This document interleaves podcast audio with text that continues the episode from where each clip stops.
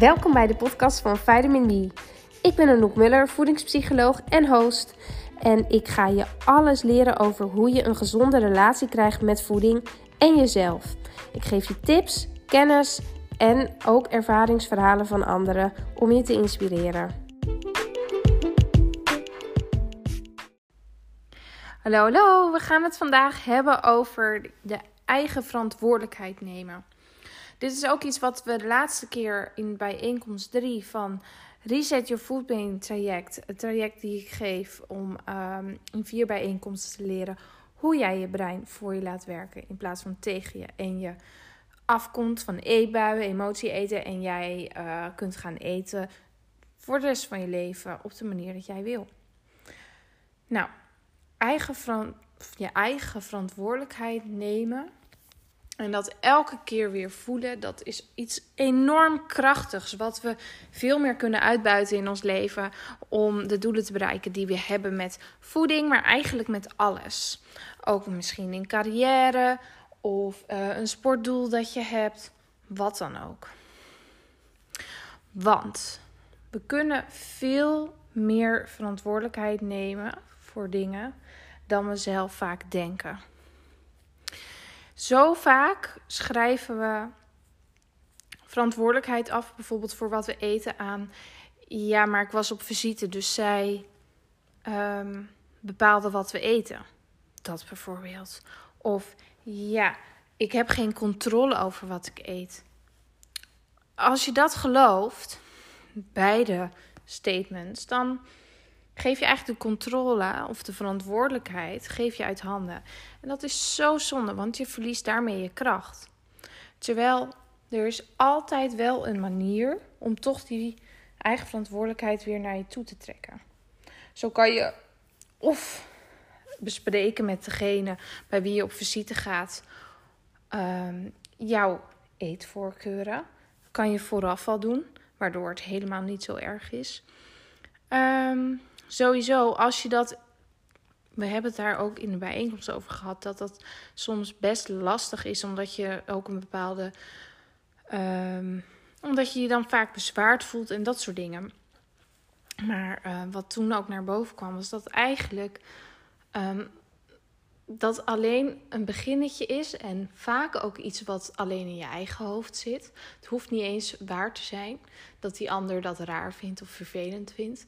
En als je het eenmaal doet, dan komen mensen erachter dat jij bijvoorbeeld niet van toetjes houdt of dat niet hoeft. En daarmee zal de eerste keer of de tweede keer zal je het misschien nog zeggen. Maar daarna weet diegene het en dan zullen die mensen er ook niet meer over beginnen. Hetzelfde geldt voor stoppen met alcohol drinken. Als je dat een wens is van jou, um, kan inderdaad uh, vrienden, bepaalde, uh, zeker bij jongeren, daar heel heftig op reageren. Van ja, zeker met mannen, doe eens normaal, drink gewoon een biertje, doe eens gezellig. Hè? Dat hoor je ook vaak. Um, dat is nou eenmaal een cultuurdingetje. Maar goed, iedereen weet dat stoppen met alcohol eigenlijk alleen maar een gezonde keuze is. En als, het een tij, als mensen het een tijdje gewend zijn, zal je uiteindelijk gelukkig die opmerkingen niet meer krijgen. Um, dus daarom eigenlijk heel goed om toch die eigen verantwoordelijkheid te nemen te nemen. En wel in te zetten wat je in de hand kan hebben. En niet het afdoen met ja, maar dat vinden mensen raar als ik dat doe, bijvoorbeeld. We hadden het over dat je eigenlijk invloed hebt op hoe je reageert op een situatie, wat je ermee doet. Dat zijn allemaal dingen waar je invloed op hebt. En natuurlijk overkomen er soms vele dingen of gebeuren ook onverwachte dingen. Dat iemand bijvoorbeeld een taart voor je gebakken heeft. Wat doe je daarmee? Dan heb je nog steeds heel veel keuzes hoe je daarmee omgaat. Zie dat ook en kies om je, uh, de verantwoordelijkheid naar jezelf toe te trekken. In plaats van te zeggen: ja, nu moest ik wel. Wat ook helemaal oké is, hè, als je daarachter staat. Alleen als jij er achteraf van baalt en er eigenlijk geen zin in had, of dat het jou uit balans haalt, ja, dan is het zonde dat jij de controle weggeeft. Je kunt er bijvoorbeeld ook voor kiezen om een klein stukje te nemen en de rest van de taart in te vriezen. Ik zeg maar wat. Of weg te geven aan andere mensen die daar heel blij van worden. Nou, dan ben je alleen maar Ehm, het geluk aan het verspreiden. Dus dat is helemaal mooi. Um, vaak zijn er zoveel belemmerende overtuigingen over dat we geen controle kunnen hebben. Of inderdaad, ehm, hoe vaak ik wel niet hoor dat mensen zeggen: Ik kan niet stoppen met eten als ik uh, aan een zak chips begin. Of met, aan een reep chocola. Als dat waar is, jij kan het niet, dan geef je dus, dan heb jij eigenlijk geen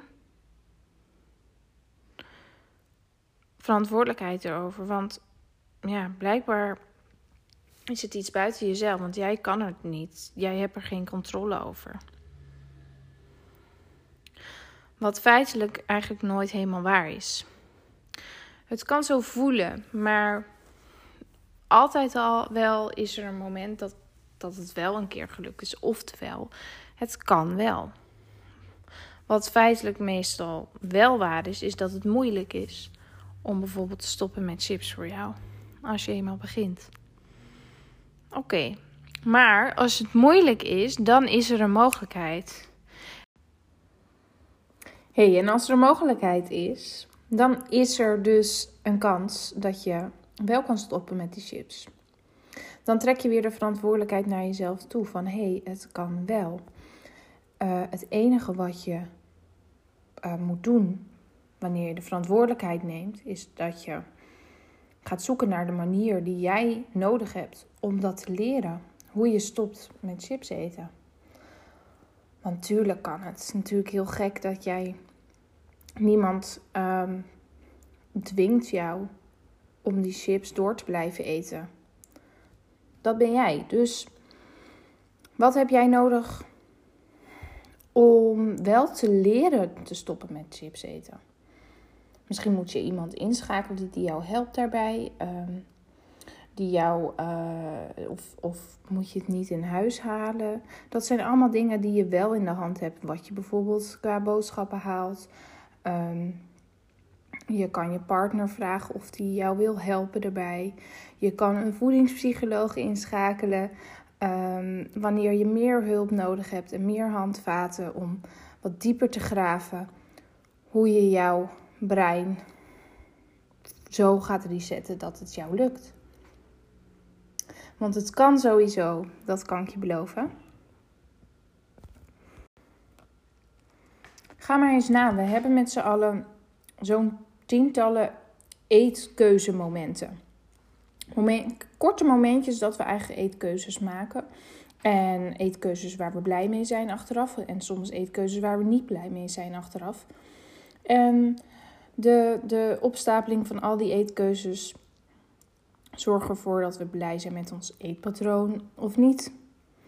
Als je niet blij bent met je eetpatroon, dan betekent dat er dus momentjes zijn, korte momentjes geweest, dat jij een eetkeuze hebt gemaakt waar je niet achter stond en daarmee de verantwoordelijkheid uit handen hebt gegeven. En dan denk je misschien, hè, maar wat raar, want ik heb het toch zelf gedaan. Dat klopt, alleen ga maar eens na op het moment dat jij uh, iets eet waar je eigenlijk niet achter staat of over eet er is een gedachte waarmee je de hand die vooraf gaat aan het eten, waarmee je de verantwoordelijkheid buiten jezelf zet. Er is altijd een bepaalde gedachte die jou zet tot bepaald eten, terwijl je het eigenlijk niet wil. En dat zijn korte momentjes dat jij de verantwoordelijkheid niet meer neemt. En dat gaat heel onbewust. En die gedachtepatronen die dus daaraan vooraf gaan, die eigenlijk dat veroorzaken, die gaan bij heel veel mensen ook heel automatisch. Zeker als je al langere tijd hier last van hebt, gaat het heel automatisch. Dus dan is het nu misschien nog ehm, te onbewust en, en zou je het niet weten. Alleen ga eens van de week kijken. Wanneer jij gaat voor je gevoel cheaten of inderdaad schuldgevoel hebt bij wat je eet, wat denk jij vooraf? Sommige mensen die denken bijvoorbeeld, ja, maar deze keer maakt het niet uit. Of morgen begin ik. Nu kan het wel even. Ik heb al de hele dag gezond gegeten, dus nu kan het wel even. Wat allemaal waar kan zijn, alleen als jij je er achteraf rot over voelt, dan is het dus niet iets waar je blij mee bent, waar je achter staat. En dan ben je dus wel je verantwoordelijkheid buiten jezelf aan het leggen. Want dan geef je eigenlijk de schuld aan de situatie. Ja, maar ik heb nu al zo vaak gezond gegeten, dus nu, nu kan ik niet meer nog, nog uh, meer gezonde keuzes maken. Of, um, nou ja, ik heb zo'n zware dag gehad. Dus nu heb ik gewoon iets lekkers nodig, een verwenmomentje. Als je daar achteraf van baalt, dan is dus dat tegen jezelf zeggen. Dan geef jij de verantwoordelijkheid eigenlijk aan um, dat jij een zware dag hebt gehad. Dus laat je daarvan afhangen hoe jij eet. Je laat ervan afhangen van hoe druk jij het hebt gehad op je werk. En als het inderdaad daarvan afhangt of jij gezond eet of niet, of dat je blij bent met wat je eet of niet, van hoe jouw werkdag was, ja, dan geef je dus jouw power uit handen, jouw verantwoordelijkheid uit handen, want die geef je eigenlijk aan hoe stressvol de werkdag was. Die bepaalt dat. En dat hoeft natuurlijk niet, want ook als jij een stressvolle werkdag hebt, zijn er tools om nog steeds die verantwoordelijkheid bij jezelf te houden.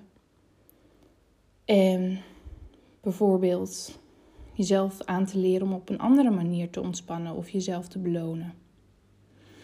Of zelfs preventief zijn er misschien wel dingen die je kan doen om een minder stressvolle werkdag te hebben. En al eerder rust te nemen. Voordat je het gevoel hebt dat je dat eten nodig hebt. Wat je sowieso niet hebt feitelijk, maar het kan zo voelen. Dat kan zeker. Nou, dat was even mijn spreekbeurt over je verantwoordelijkheid nemen en de kracht daarvan. En ook vooral dat je beseft dat dus die momentjes dat het even niet gaat zoals je wilde, je eigenlijk nog meer kan gaan nagaan hoe je weer je verantwoordelijkheid gaat terugpakken. Want waar jij, en, en waar jij het aan toeschrijft, onbewust waarschijnlijk, of, of uh, misschien wel aan vermoeidheid, dat jouw slaap de macht heeft over wat jij eet. Ook dan kan je je verantwoordelijkheid terugpakken. En nadenken hoe je daar anders mee omgaat. Oké, dus um, ik hoop dat jullie er wat waarde uithalen. En ik uh, zie je de volgende keer.